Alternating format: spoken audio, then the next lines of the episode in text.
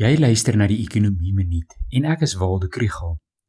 Statistiek Suid-Afrika het gister Oktober maand se verbruikersprysindeks en inflasiesyfer bekend gemaak.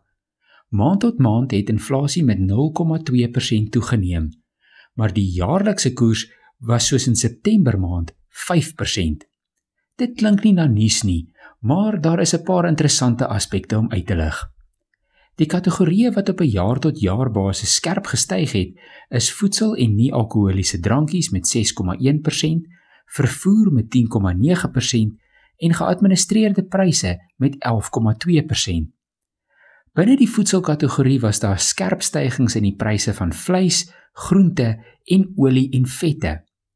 Mens moet onthou dat vir die gemiddelde huishouding maak voedselbesteding ongeveer 15% van die totale besteding uit. Die kerninflasiekoers wat voedsel, brandstof en energie uitsluit en sowat 75% van 'n huishouding se besteding raak, was 3,2%.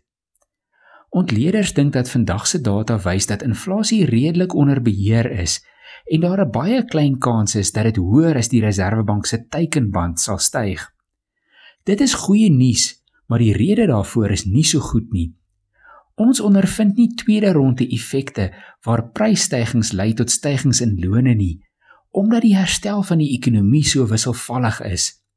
As daardie terugbons van ekonomiese groei sterker was, sou inflasie ook hoog gespring het, soos wat dit blyk die geval in die FSA is. Dit los die monetêre beleidskomitee met 'n moeilike besluit vandag.